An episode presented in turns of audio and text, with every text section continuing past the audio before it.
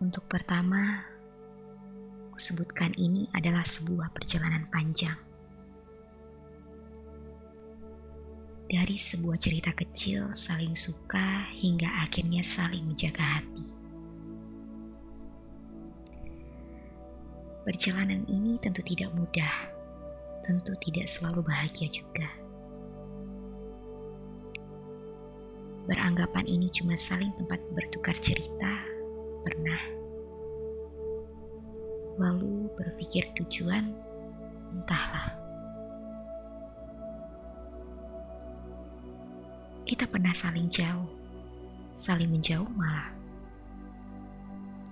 Aku dengan segala keegoisanku, dia dengan segala keegoisannya juga. Sama-sama saling diam, memendam, dan menyerah.